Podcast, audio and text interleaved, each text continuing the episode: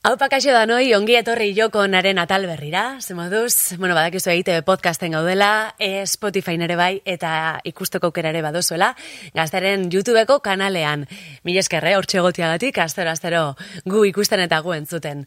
E, gaurkoan, igual aldaketatxo bat ikusiko zinuten, lorenekan falta jakolako, Baina, bueno, hola Salvador, kaixo? Kaixo. Zer moduz, esan jotela gurtu. Bai, lore falta jaku, bueno, ba, musu handi bat, gaur ezin zaitugu, Lore. Bai, musu, musu, ondi, ondi bat zuretzako. Bueltatuko da, eh, datorren astean bai. Eta bere orde sementxe daukegu Andrea Aranboru. Kaixo, Kaixo, Andrea. Zema duzaz? Urduri. Urduri zara. Hombre, horria, baukitzu ardura bat, ja, ongo zara gurekin, eh, gai potolo bat buruz hitz egiteko. kontu, eh, oso potolo dala. Oso, delikatua da gainera. Amatasunari buruz hitz egingo dugu, kareta jarri, eta bagatoz. Joko ona. Ainhoa Vitoria, Olat Salvador eta Lorenekane Bilela Beitia. Amatasunak emoten dau e, poza, baina emoten dau baitzuta, ba, tristura be bai, eta, bueno, ba, gai delikatua da, ez da? E, sentimendu asko e, bizi ditugulako, ama garenean, ama ez garenean, zuek ez zarete ama, baina zuek ze, ze sentitu zuen amatasuna entzundakoan, ze, ze sentimendu datorkizu zuri ol- olat? Bueno, ba, badakat dualidadea, oza, ni ama ez, baina alaba, bueno, gehienok bezala, esango nuke, ba naizela, eta, eta, bueno, pues, eh, nik nire amarengan pentsatzean, e, bueno, zakit, e, badauzkate sentimendu asko, eta, eta gehiena izan dago, igual entrega, edo, ba, bai sentitzen dut, pues, hori, pertsona batek dena eman dula neregatik. Bai, da, maitasun purua, ez da? Bai. Dana emoten dau. Eta badakitzu hor egongo dala. Hori be, jo, ze, ze sentimendu ona da. Esan eh? behar dut ere, ez detela unibertsalizatu nahi idealizazio amarena zeren. Egia da. Baude e, ama mota asko eta eta denak ez dira nahi bezain e, osasungarriak eta eta bueno, hori ere esan behar da. Eta horri buruz behiz egingo dugu, ze, eh, erromantizatzearena batzutan gertatzen da, askotan gertatzen da, eta, eh, bueno, hori be, aipatuko dugu. Andrea, zure kasuan? Badoz, bueno, iruditzen zait ardura handie dala ama izatea, baina esango nuke amatasuna ezautzea ematen nahi dan termino bat dala. Zatik azken urtauetan forma ezberdinek eta e, amatasuna bizitzeko modu ezberdinek e, bazakit, ikustarazten nahi dio, orduan nik uste dut, e, guendikan, ez dakit, sortzen nahi dan kontzeptu bat dala. Definitzeke, ondion, da, ezta? bai. Amatasuna eta musikarien arteko erlazioaz behitze ingo dugu, eta horretarako ekarri dugu gomidatu bat hemen eseriko dana ontsa bertan. Bera ama da, musikaria da, eta, bueno, honen arteko harremanaz behitze ingo dugu berarekin. Inez Osinaga hemen da. Inez. Ez gare asko, baina txaluak Guapa! eh? Inez, zu ama zara, Ama bebainaz. Bebai zara, hori da oso garrantzitsua, ze batzutan igual galdu egiten da, ezta? E, kontzeptu hori hartzen duzu amatasunan e, batitulua, eta gainontzekoa lausotu egiten da. Uf, eski jago naiz hor eh, introa entzun dut, eta ja. Ja, gaukotzu hitz egiteko, Uh, bai, egonar zalantzan, ekarri. Edo sakaletxeza, edo zaku bat meloiekin meloiz beteta, June Fernandez egizatzen nahen bezera, nire meloitxoak, edo sujetadore bat. Ah, ba. Jarri aluzo hemen tenderete bat eta batu sujetadoreak. Baitu. Ja, erabiltzen ez ditugun sujetadoreak. bai, nik laktantziako bost ekarriko dizkizue. Jo, ba, hori, ez, bitu, hortaz ez da asko hitz egiten, eh? Laktantzia eta sujetadore jakino erreitaz da, ez da asko hitz egiten, bez? Bueno, da, Itu lehengo ordunaldian sartu nintzen denda batera, egumen gauza saltze itxusten denda batera, eta mazustan ansiadatake batek.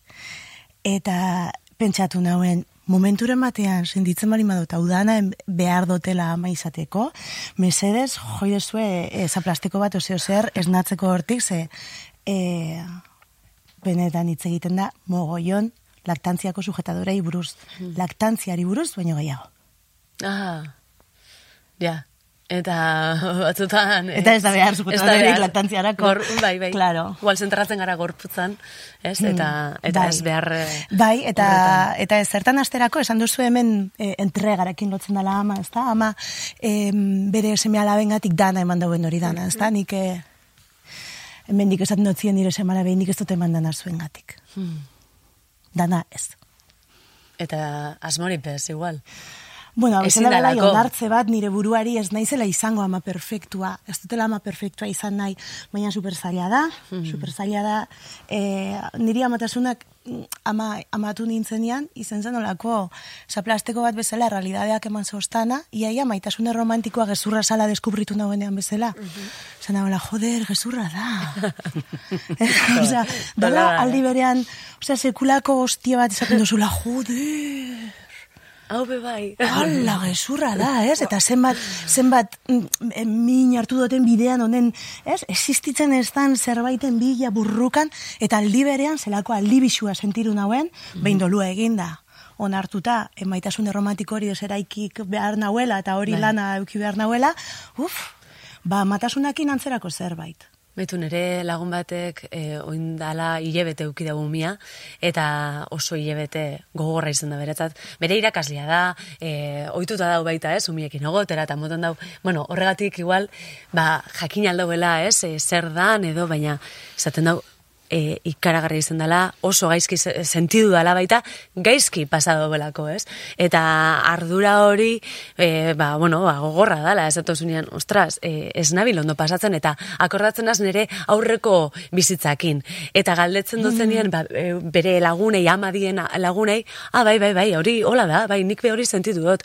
Eta ez baina nola da posible, ez tozte zue kontau, hau, etzala nik usten hauena, ez? Erromantizatuta dau, ez, amatasuna. Bai, guztiz gainera, eske romantizatuta e, miniten dozku modu batera.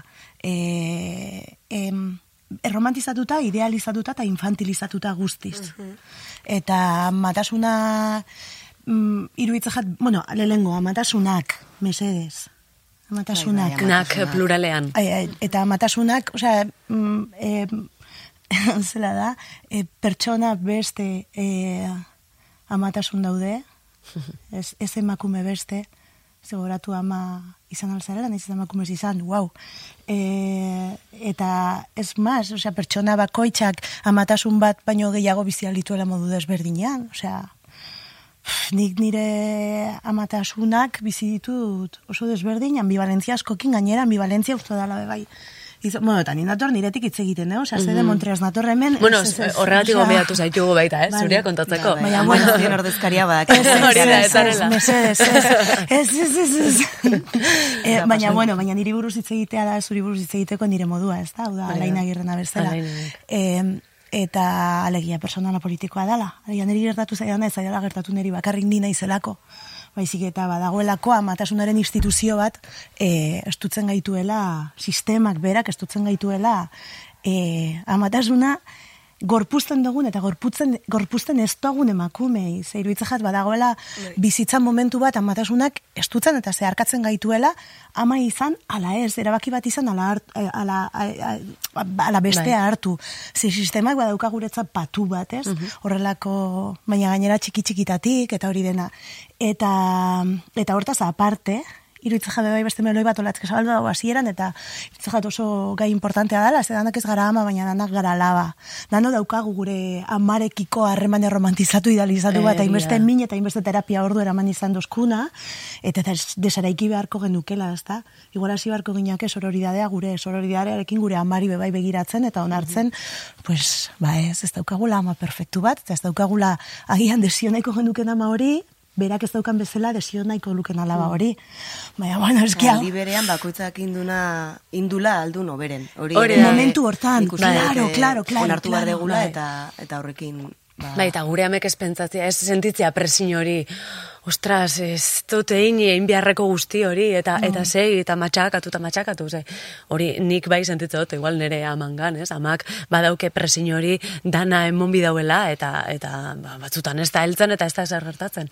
Baina hori da gizarteak e, erakutsi dozkuna, eta esan dozun hori, ez, eske epaia, es, epaia izugarria da. Oso. Emakume bezala, epaitua sentitzen garen bezala, ba, gero, ama trajeak estutzen dago asko, eta eta egiten dago epaiak, eta Konparaketak ematen die. denak. Eske nik hori nabaritxu dut. Bata bestea baino hobea, baino, baino mesedez, osea, norbeak itxendo aldona, kasu guztitan. Eta nik nabaritxu, eta ez, hau itxendolako, igual da zure ama, zure ama baino hobea. Bai, baina hori da, mm, nik uste da dagoela, dagoela lotuta, perfekzioaren bila etengabeko perfekzio ezin e, e, inoiz ez garela nahikoa, ez da? Inoiz, baina inoiz ez gara nahikoa. Ni inoiz ez naiz nahikoa beltzaran, inoiz ez naiz nahikoa salzuri, inoiz ez naiz nahikoa emakume, inoiz ez naiz nahikoa argal, ez nahikoa polit, ez nahikoa gazte. Baina era berean, gaude performatzen hori hori bilatzen duen e, e, gorputza eta egoteko modu bat, ez? Ba, pues ama, berdin da, titia ematen dotzazu, titia ematen dotzazu lako. Inoiz ez diozu ematen nahikoa, inoiz ez diozu ematen e, nahi beste luze, ematen diozu, usten duzunean titia emateari, erabaki baldin badozu e, ama handiko euskaitzea eitea, e, e, azkarregi utzi dozulako, edo ez, edo sei urteko ume bat titia ematen diozunean, sei, "Ah, desde luego, sei urteko ume bat titia ematen diozulako. Jo, baina ez dezu sentitzen, baina zein zea zu, beste pertsona bat buruz hitz egiteko, eta gaina epaitzeko, ondo aidan, edo ez dan, e, ama izateagatik ematen dizu lizentzia hori hori egiteko, oza, ez dut ondo ulertzen nondik datorren hori. Bai, eta ama ez garenok be, e, beitu nik inot ariketa bat nire kuadriakin, e, galdeketa moduko bat egin dut, bueno, ba, pixkat honi buruz hitz egin behar ginunez, bueno, ba, eurek batzuk amadie, beste batzuk ez, orduan, jakin nahi nauen e, euren iritzia, baina galdeketa e, iguala danentzat ikusteko ia a, badauzkegun, ez, antzekotasunik eta badauzkegun ba, sentimendu igualak. Eta, ba, bai, ba, danek sentitzen da bie beldurra, bakoitzak bere beldurra dauzke, ba, zuk esaten zinuna, ez, konparaketaren hori, ba, ama dienak parkera jun eta euren artean, ba, hitz egitea, eta, Eske parke. Claro, parkea da beste mundu bat, eta mundu horretan e, perfektu nahi zen biozu, eta zezaia dan hori. Baina ama estienek be, ba, badaukie beldur hori, e, ama izen biot, bai, ez, noiz, eta eta dauketzu e, beti ba, presio hori, ez? Eta batek esaten zauen, eta e, ba, ama estan, lagun batek e, kontatzen zauen, e, ba, norbaitek esan omen zotzan, e, azuk zure eguna, zure bizitza, ekintzez betetzen duzu, ama e, ez izatearen ba hori, e, bueno, bete behar hori ez dauketzulako, ze ez? bikotea badauko ja, ez da. Hori Ez da, bestela bai. esango zetzien bikotea ez daukolako Bikoteki, betetzen dauelako. eh? Hori da. Eta, eta amak dienek esaten daue, bazen bat aldiz, ui, ama izen biozu, uf, ba, disfrutatu oin, ze gero amazaren nien jastozu Mm. disfrutatuko orduan. Ze, ohitura daukegun baita beti hitz egiteko eta eta iritzi emateko, ez da? E, zuei gertatu gatzue, zuri Gainera hola? ze diskurso da hori, ez? E, disfrutatu orain, ze ama izatea, bukatuko zaizu, osea, horregatik, ez? Lotuta entrega horrekin, inkondizionalidade horrekin, sakrifizioa, zakize, eta, eta bueno, zuk kontatuko diguzu hobeto, baina nik uste dut, dara bizitza eraldat, eraldaketa bat e, ezin dela ulertu, osea, ezin degula ulertu guk geuk sak, e, sakrifizio bat bezala u- bakarrik, ez? Osea, ez dakit, kontatuko Bai, eta, et, eta obiatu barik, eta astu barik, osea, bizigaren sistema, eh, aka sistema eh, patriarkal burgez, eh, kapazitista, patata, patata, patata honetan, eh, rasistatara, ama izatea, ez ama izatea gaiti, baizik eta zaintza erdigunean jartzea eta zaintza e, benetan gu baino zaurgarriagoa den e, pertsona txiki baten zaintza eukitzea, guztiz e, infrabaloratuta dagoela, oso gogorra dala, eta da, mm -hmm. estutzen dauena zer da, amatrajea edo estutzen gaitu sistemak, amatrajea jasten dugunean. Ez, em, Et, zalantza barik behar da, osea, iruitze jat, zaintzak daukala kompro, behar duela kompromiso bat eta ardura bat, eta hori dana, ez? Hori entregarekin eta e, zera da, eta mm, bidean, ze- zelan esaten da, ukatu, epa, barkatu, uf, mikrogaresti eman diet. Hau entzun da fuerte, fuerte. e, zelan esaten da, e, em, e, ukatu ez, izten dozunean zerbait, esaten dozunean, bueno, vale, E, Uko hau- egin, edo? U, Bai, hori, mm, zure bizitzari uko egin behar dozula edo dana dalakoa. A ber, edo zein aukerak, edo hartzen duzun edo zein aukerak, ez? A ber, e, musikari gazte enpresari bat izateak ez dotzu uko egin behar, edo ez, ez, dozu, ez dotzu eragiten uko egin behar izatea, beste gauza batzuei. Noski, erabaki bakoitzak daka Claro. bere hori, renuntzia edo bai, Renuntzia, hori da, hori da, renuntzia. eskerrik asko latz, hori da. Ez dakit euskera zola esango da, baina... Errenuntzia. Ulertzen da, da. Renuntzizia. Zuek adibidez, e, musikariak zari, e, zure kasuan amatu zinenian, esan zinun, bueno, musika alde batera utziko dut, momentuz, Edo musikak utzi, utzi ninduen alde batera ni, ez dakit. Bai. Ez dakit nik utzen duen musikalde batera edo musikak utzi ninduen ni. Bai egia dana da, momentu hortan, e, nik ez nuela erabaki ahal izan ez naukalako beste aukerarik. Alegia, ze punturaino erabakia askea da, ez, ez dauzkagunean beste aukerari. Beste aukerarik nahi dut esan, e, kompatibilizatzeko e, guk egitean nahi dugun hori, gu orain garen ontatik, ez da? Ze, ze, klaro, nire beharrak prioridadeak eta e, desirak eta e, disponibilidadeak eta gorputzak eta gauza asko aldatu ziren, eta jarraitzen zuen munduak egoten nik utzi nuen leku hortan. Orduan, e, ez, ez dakit, oraindik ez dakit erantzuna ez behintzat hemen publikokia aitortzeko bezala, mm. ia ber nik utzi nuen momentu hortan musika, edo musikak utzi ninduen, ni? Bueno, baina, baina hartu dozu berriz be. Ez ez dut inoiz utzi. Vale. Nik ez diot musikari izateari utzi inoiz. Utzi diot plazan egoteari, bada, egondalako nire bizitza momentu bat, etzelako kompatiblea plaza eta zaintza, plaza ez delako denontzat bizigarria, ez da jasangarria. Em, mm, escena ez da bueno, ez da feminista, ez da, ez da, ez da kompatiblea zaintzarekin, ez pertsona txiki baten zaintzarekin, ez da ere ez dela. Yeah. Baina nire kasuan, e, zaplastikorik handiena izan zen konturatzea plaza, e, e, etzela e, kompatiblea nire buruaren zaintzarekin. Alegia, nire buruarena, nire nik aukeratu nuen bizitzeko e, inguruan euskan pertsonena, da nadalakoarena, eta hori izan zen dolurik handiena. E, eta, bueno, pues, topatu nitu musikarizateko beste modu, ze ama izateko modu asko dauden bezala, musikarizateko modu asko daude. Ba, nik e, plaza handiak eta e, zela da, argi ikusgarriak e, utzi nituenetik, ba, beste plaza batzuk bilatu ditut, beste ordu batzuekin, beste publiko batzuekin, egin ditu saioak aurrentzat, familientzat, eta ez bakarrik, ze badirudi baita ere, ez da, ama izaten garenean, amentzat eta e, familientzat hitz egin bar dugula, bakarrik e, autoridadea daukagun bezala horri buruz, badakigu baina beste zeri buruz ez, ez? Emakumeok, emakume musikariak feminismoari buruz hitz egiteko autoridadea daukagunean bezala, ez da, ba ez, joder, eta, bai, bai, feminismoari buruz bai, baina musikari buruz hitz egiteko dut, ez?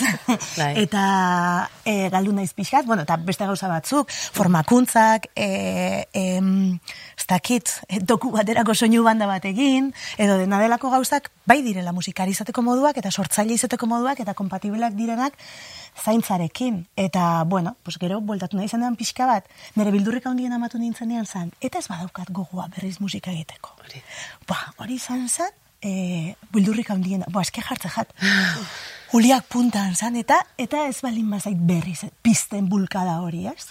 Osa, nire bildurra ezan, eta ez balin badauka hori berriz larrutan iteko, izen alzala, Ja. eh? Ze hori da beste tabu bat. Bai, Osea, bai, bai. aurdunaldia eta erotismoa, sexualidadea, amatasuna, ze amatasuna da zerbait, guztiz, e, nik sentitu do nire gorputza e, amatasunak zehargatu nagoenean, inoiz baino, e, ero, ez dakit nire erotikaren jabe bezala nire gorputzaren sexualidadearen, Bai. em, em, ba, bai, ba, jabe eta gorputzean aldunduta, gorputzari begiratu beste modu batera, eta iruitza zait horri buruz ere ez dela hitz egiten. Osea, katixak amek ez duten novela jartzen zuen emakume erditu berri bat pospartoan eta edo aurdun zegoen emakume bat amantearekin. Bai. Eta goratzen naiz lagun batek esaten zuela, buah, eske, derin zidan buruak estanda, porque eske ez nauen imaginatu emakume aurdun bat amante batekin. Claro, eske ez imaginatu emakume aurdun bat desira sexualarekin. Hori da. Incluso ondoan daukan gizon naita horrekiko ez den beste desira batekin, ez? Ordan, claro, Osea, zabaldu dezagun ja gure imaginarioa. E, ni lehenengo ordunalian lagunon oso lagunon batek oparitu ziran e, maternidade subversibas liburua, eta zin izan duen irakurri. Ni go- egon ziren kapitulo batzuk ni nahiko moderna eta subversiba usten nintzela nintzela, tururu, inoiz ez gara nahiko moderna eta subversiba, Bi- bizitzak beti daukaz plasteko bat, inoiz ez gara e, nahiko arrebisatuak, e, beti dago espilu bat zure zain, eta jo, horatzen naz, ba, orduen irakurri nuen lehenbiziz, lehenbizikoz violentzia obstetrikoa terminoa, eta esaten nuen, violentzia obstetrikoa? Ba, ze violentzia obstetrikoa, ez da kontatzen zituzten violentzia obstetrikoa, em, Berein, azalean jasan izan dituzten emakumen e, testigantzak, eta batez ere, e, horren e, e, e, violentzia obstetrikoa azaleratzeko aktivismoaren inguruan zegoen kapitulo bat, eta eta gero zegoen beste kapitulo bat, e, amatasun, em, bai, maternidade queerri buruz. Eta nire momentu hortan, nire zidan buruak estan. Nola esan duzu, liburaren izena? Maternidades subversivas. Hori, Eh, bengo. Maria Llopisena da, bai, bai, da, eh, aspalikoa da, eh? Ni Maria Llopis ezagutzen duen, Alicia Murilloren eh, bitartez, eta horrela, eta, bueno, eta, eta momentu hortan izan za, buah, claro, maternidade queerrak, nik hor imaginatu nuen, eta ja, a ber, baina orduan, ze- uf, ez nago prest. hau e, osea, nire imaginarioa momentu hortan etzan horraino iristen. Horraitik iruditzen jat behar ditugula erreferenteak, denak, asko, askotarikoak, anitzak. Gaur goizan heldu nahi zenean hona hitz egiten nuen hemen e, lankide batzuekin eta esaten nien jo, pixka nekatuta nago amatasunari buruz hitz egiten, azken aldian dauka sensazioa, jo, ba, lehen e, emakume musikari feminista, ez, ba, e, e, joaten dintzela hitz egitera, deitzen dindutela, nire, nire ahotsa entzuteko emakume musikari buruz hitz egiten genuenean, ez, eta, eta pa, pasioz eta gustora egin izan dut hori, baina momentu batean sentitu nuen, pff, eta noiz deituko nauzue musikari buruz hitz egiteko, hasien generiko. Ez? Bai. Eta ez emakume musikari buruz, ez? Edo behintzat, guazen hitz egiten ja matxismoari buruz estena, ez? Eta ez, joder, ez? Horri- Melodia zabalu behar dugu, ba, zabaltzen melodia. Horri buruz eh, hitz egin izan dugu guk be bai, baina egia da, ez da, e, autokritika hori edo egin behar dala edabideetan, e, ba, nola, bueno, ba, e, enkasillatzen Bai, gaituzten, ez? ba, barkatu, eh? E, baina eta da. batetik, bai sentitzen dutela zela baiteko ardura. Nigatik eta nire kide guztiengatik, zuengatik, eta nire alabengatik, eta ama izatea o- erabakitzen ez duten guztioiengatik, eta ez dakit, e, em, Bai, bai. gi- e, ama izan nahi duten edo erditu nahi duten e, gizon hoiengatik edo edo ez dakit hitz egiten dugunean bezala menstruazioari buruz. Bueno dirudi gaur egun menstruazioa bihurtu dela horrela zerbait jo ba oso ez ez duzu sentitzen batzutan oso Egun gehian hilerokari buruz. Bai, ez egin Ez esan programa batean. Ez, Ai, izan altzan, ez da, txantxa izan da. Izan badaki. zitekeen, Baina izan altzan, egisa Izan altzan, ez da? Bez, hor- izan horre- altzan. Oie gauzak, ez? Osea, azkenean bukatzen dugu performatzen Bai. beste estereotipo bat, ez? Eta, pff, baina beste alde batetik, eske behar ditugu, behar dugu, behar ditugu bestelako diskursoak. Behar dugu, behar dugu isu alberdik bertxotan kontatzea bere erditzea. Irakurri duzue? Ez. Bueno, ba, googleatu, erditze baten kronika dauka izena. Argian, argian argitaratu zituen. Ni lehenengo aldiz irakurri dituenean bertso horiek, ba, nire burutik etzan pasa ere egiten ama izatea. Ni nintzen teknofolkaren izar bat, supermoderna, eta esaten duen, ama, ba, bueno, ni bai, nik ama nahi dut izan, baina gaitxo entzan, beti- dauzkat plan e, interesgarriagoak egiteko. Ez que gero ez dago inoiz momentu bat ona ama izateko. Hori ere bai. Inoiz ez dago momentu bat ona, porque... Eske, nik irudikatzen dut, igual, ama izatean nire bizin, eta bakit, izango zala, nire mm, momentu bateko, oza, nire biziko bi urte ezakizen bat, hipotekatzea, rollo, ezin detela jarraitu nire ai, azkunde profesionalakin, pertsonalakin, oza, irutzen zaidala, e, pixkat, estanbaien jartzea, zuk itxen zenun hori, eta ez da gustatzen. Eta bain, ba, super zilegi, eh? ez dut, ez dut zalantzan jarri nahi zuk esan duzu naue, baina eta galdera aldatzen balin baduzu. Eta zure buruari galdetu beharrean, ama izan nahi dut, ala ez galdetzen balin badiozu, nolako ama izan nahiko nuke? Ja, baina, mm, posible da. Hor gertatzen da, niri begertatu izan jat. Noski dela posible, noski dela zaila. Baina noski dela posible. Nik uste dut feminismoak ematen dizkigula herramienta kuestionatzeko amatasuna. Eta zeharkatu behar direla bi gauza. Inoiz ez gara nahikoa ama espazio feminista. Osea, beti, nahi dut esan. A ber, ama feministak gara ama egiak feminista izateko eta feminista egiak ama izateko. Baina hori ere beste estereotipo bada, ez da? Hori estereotipo guztiak e, e, daude apurtzeko, eta bueno, estereotipoen kontrako antidotorik efikazena dira erreferentziak. Bai.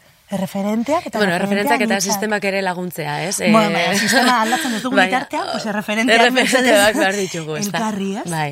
Eta sistema aldatzea guztiz, noski. Bai, bestela ez da aukerari guretzako. Eta jo Inez, e, ze ondot, ze gustora. Inez lehendakari. Ze- Bai, bai, Ah, ez, ez, mesedez, Geratu gara pixkat iruroko lan mutu, ez zuen zuten. eta, jo, eskerrik asko. E, egongo gineak, ez dakit, ba, e, bi orduz Jo, nire galitu zaizkit gauza pila bat esateko, Bai, ez? Mas, eske beti berdin gabiltza. Gauza asko. Bai. Bueno, nik espero dut, vale? nik espero dut, irugarren denboraldi bat egitea.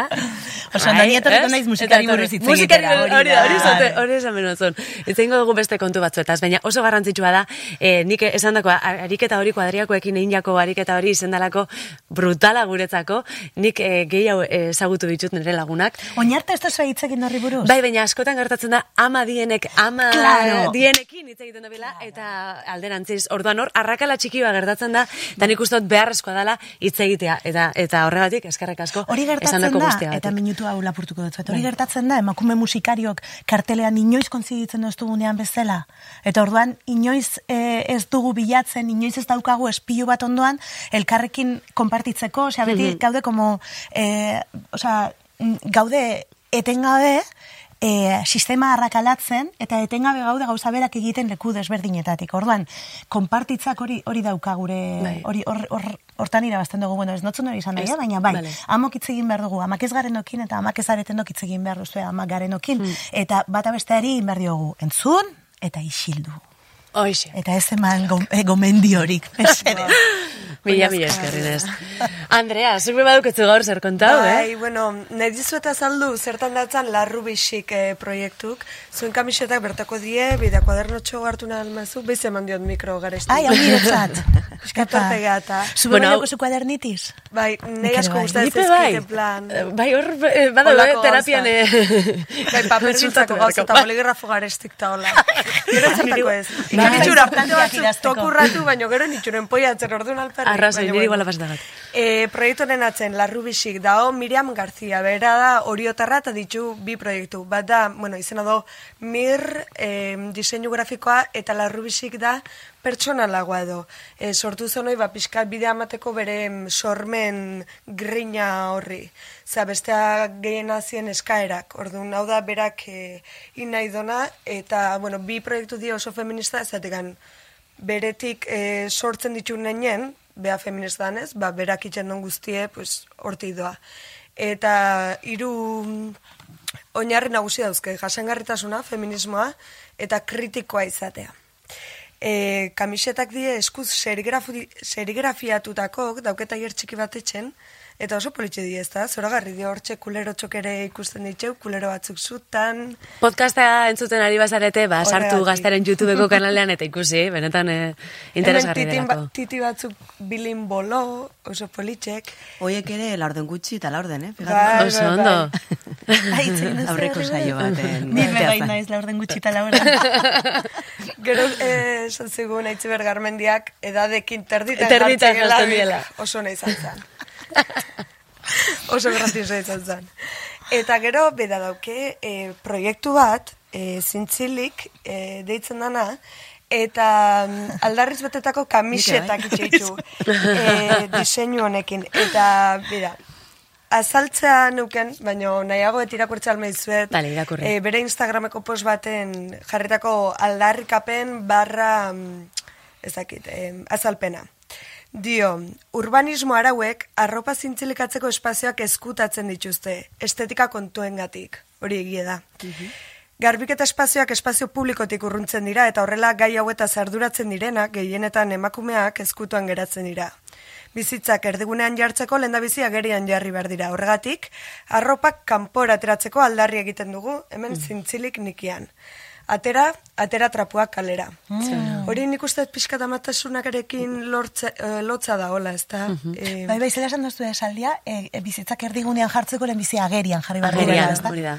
Eta maita, amatasunaren zaintza lan noiek, ez dakit ba, nahikoa errekonozimendu, ez dakit zuen iritze zein da, baino... Ez ez, ustez, bai. ez, osea, nere ustez ez da baloratzen bat ere Ez da ze importantea da eh, mundura bizitza ekartzea ba, guztiontzat eta ze, ze gutxi dagon eh, ikustarazita edo horrek dakarren guztia. Eta ikustaraztekotan ikusita dago e, etorkizunaren ganako inbertsio bat balitz bezala, ezta? E, bizitza, per, tamainu txikiko bizitzak inportako ez balute bezala, ezta? E, gerora e, gizon zuri produktiboak sortuko dituzten e, e, e, e, makinak baldin, baga, baldin baginak bezala, ez? Eta ez, ez, ez, askotan umeak eh, sujeto aktibo bezala Noski, eta da. ez diegu jartzen mikrofonorik beraiei, ez? Claro, oraina hainbeste erakusten diguten izaki txiki hoiei, ez daudelako oraindik hain kontaminatuta. Ados. Bueno, bueno, eta eta violentatuta alde guztietatik. Nik amatu nintzenean, hori izan zen bebe beste zerbait, inzidana e, estan da e, em, em, e, arpegian eta izan zen, e, zelako heldu zentrista da gure gizartea, eta zelako violentzia dagoen aurren ganakoa beraien e, referente diren helduen gandik hasita. Osea, zelako impunitate osoz egiten diegun e, aurrei oiu, e, e, jo, e, gutxietxi, e, pff, osea, benetan tamalko ateratzen jate, eta ze gutxi gauden entrenatuta, horlako violenta, bio, violentziak ikusten ditugunean, seinalatzera eta, eta, eta defendatzera. Osea, zenbat aliz ikusi dozue, ez bakarri parkean, eh? Ze parkea zoologikoa da azkenean, eta esituta dagoen espazio, más o menos, eh, aurrak zentruan dauden, eta ondoan taberna bat dagoen espazio. ez que bezala parkeak ez dauka... Bere eh, xarma hori eraldu Bueno, ez dauka inbeste exito. Exitoa daukaten parkek ondoan eh, zerbeza bat dun taberna daukate. batekin. Bai, bai. Eta, ez, eta aurrei, aurrei zenbat ikusi duzue kalean, eta heldu bat, e, aur bati, txarto hitz egiten, txarto, el, eltzen dena delakoa, ez? Jarrera batean, ikusten bali mazen duten e, heldu hori, bere bikoteari edo bere ondoan dagoen beste pertsona heldu bati esaten, ja, gure begirada pixkaten derrenatu dugula, eta eta autodefentsa hori pixka landu dugula, ze zaila egiten zaigun aurrekin, ez da? Ze, klaro, heldu bada. Eta badago diskurso bat hor, ez da? Eta, bueno, eske bere ama naiz, edo bere aita naiz, ez? Orduan, nik da autoridade hori eta guztiz impunidadearekin eta eta bueno, eta zaintzak ez dizu ematen boterea, ematen dizuna erantzunkizuna. ez? Pff, Eta da, kriston temoia, eh, benetan. Eta iruitza zait, osea, ez dakit adibidez, violentzia obstetrikoaren inguruan eh, aktivismo egiten dugunean, eta ez, emakume denok daukagu eskubidea, edo paritoria sartz, sartzen den pertsona orok dauko eskubidea, erditzeko, modu errespetatuan, eta violentziarik gabe, denok daukagu hortarako eskubidea, ezin da privilegio bat izan, ezin da sorte bat izan, zer sorte ukin nuen, emagin jatorra tokatu zitzaidala turno hortan. Ja. Ba ez. Ezin dugu utzi hori e, sortearen eta ausaren e, funtzioan sistemak bermatu behar da hortarako eskubidea. Eta ez dezaguna aztu erditzen den emakume bakoitzetik aur bat jaiotzen dela. Osea, denok egon gara inoiz erditze batean. Denok denok jaio gara. Osea, gure amak erditu zirenean, violentzia zinguratuta, gu gara belaunali bat, gure, gure amak erditu direla guztiz violentzia zinguratuta, osea, protokolo batzuekin, beldurgarriak, asko sedatuta baimeni gabe, e, portzentai altu bat e, e, aluan moztuta, inongo baimeni gabe, e, bueno, osea, rasuratuta, vamos, vamos, bueno, astokeria pila bat oraindik ematen direnak, eh? Baina, e, E, eta ez dezaguna ahaztu, gu jaio garela kontestu hortan. Gu jaio gara, gara belaunali bat jaio garela violentzia zinguratuta, eta, eta e, protokolos banatu gaituztela, lehenengo momentuan gure amagandik, eta, bueno, hor, gauza pila bat, ez? Eta, jo, iruitze zait, e, erditze respetatuan inguruko burrukak, badauzkala hor, bi, bi sujetu aktibo momentu hortan, eta dela erditzen den gorputza, erditzen den pertsona, erditzen den emakumea, eta mm, erditzen den pertsona, barkatu, eta, eta jaiotzen den pertsona. Jaio bizirik edo jaio hilik, eh? Hori ere bai, ze horri buruz ez hitz egin. Eski alutik eh, ez da beti bizitza sortzen. Hori da, eta eta bageneko Ja, beste gogoa ez meloia. egiteko, hori da, meloi asko, eskerrik Bueno, asko. otakonena Alaina Gerren liburu. Alaina Agirre, bai, aipatu beharrekoa, Nik ezin karena liburua. irakurri, min ematen dit irakurtzeak. Ulertzen dut, ulertzen dut, bai. Baina, bueno, e, injarrakin zauzenean, Bai. irakurri benetan oso oso importantea, garrantzitsua? Ze oso da. garrantzitsua, testim, osea, er, relato hori, eh? Bai. Eske behar ditugu relato guztiak. E, esan erreferenteak uxueren eta ereduak. Erditze, e, um, e, etxeko erditze vaginal e, inungo pelikuletan ikusiko ez dugun erditze hori, odolez betetako eta plazerez betetako eta eta aldundutako erditze hori, eta laineren relatoan dagoen e, abortu hori. Pff, osea, Bai. eske behar ditugu relato guztiak. Eta Ze- zure relatoa bebai behar dugu, eta eskerrik asko, Inez. Tori nirea, eh? Bai, Bai, bai, tori nire esker. relatoa zuentzat ere. Jo, ba, az, bueno, ya denporaz eh, pasatagaz, aspaldi, mi esker, Andrea eskerrik asko, larrubisik Bai, eh, proiektu orkesteagatik. Olat, zuri, bai, mila, mila esker. Gaurre entzutea tokatzen zuten. Bai, bai, gaur danoi entzutea Edana tokatu garala jako. bai. Bai, bai. Hori da Ama gisa. izan ala ez. Apa, Inez, eskerrik asko. Zuei, eskerrik asko danoi, eta datorren astean gehiago. Lorekin, etorri, etorriko da lore, eh? bai, bai. Edo ez, espero dugu. bueno, espero.